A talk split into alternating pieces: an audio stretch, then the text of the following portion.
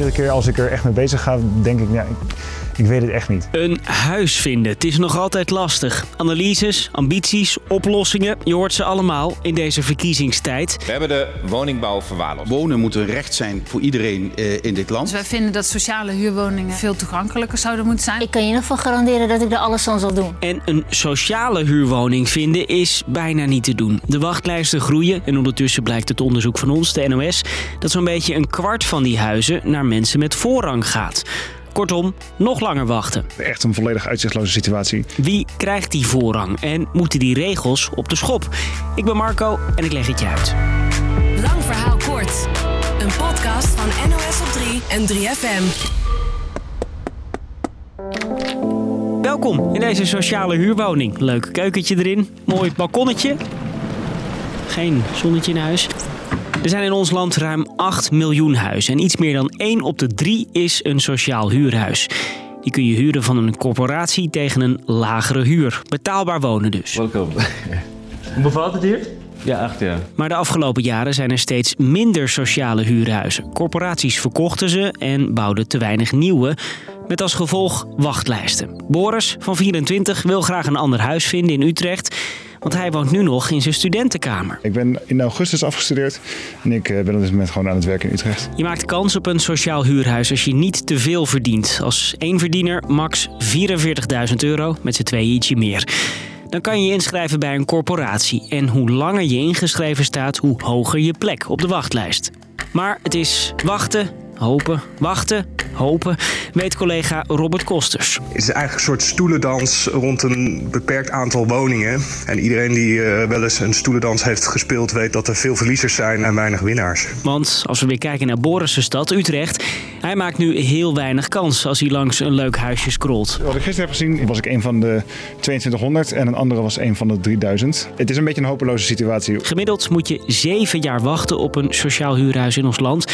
En in Utrecht zelfs 11 jaar voor je de deur van je nieuwe sociale huurhuis achter je dicht kan trekken.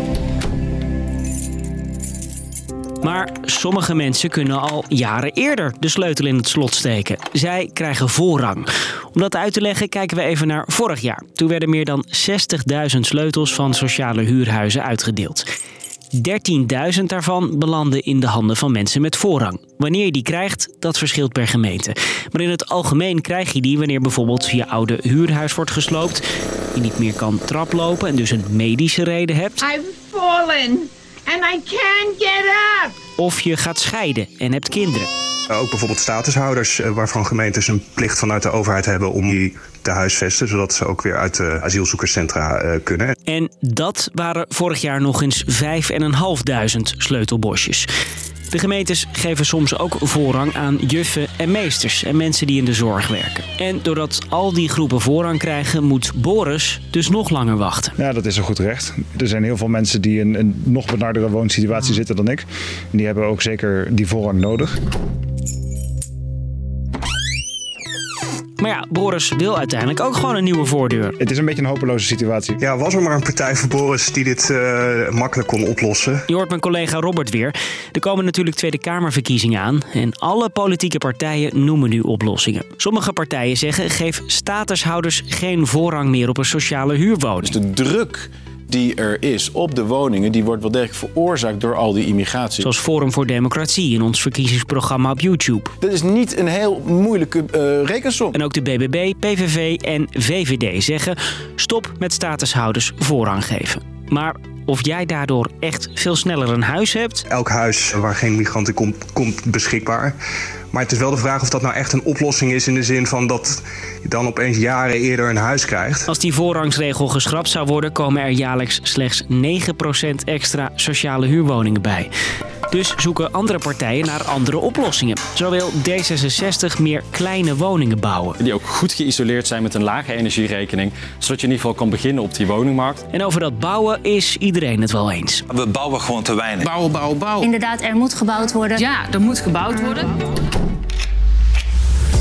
Dus lang verhaal kort. Er is een flink tekort aan sociale huurwoningen. En dus moet je op de wachtlijst. Sommigen krijgen eerder een bosje sleutels omdat ze voorrang hebben. Bijvoorbeeld gescheiden ouders of statushouders. Sommige politieke partijen willen van het laatste af.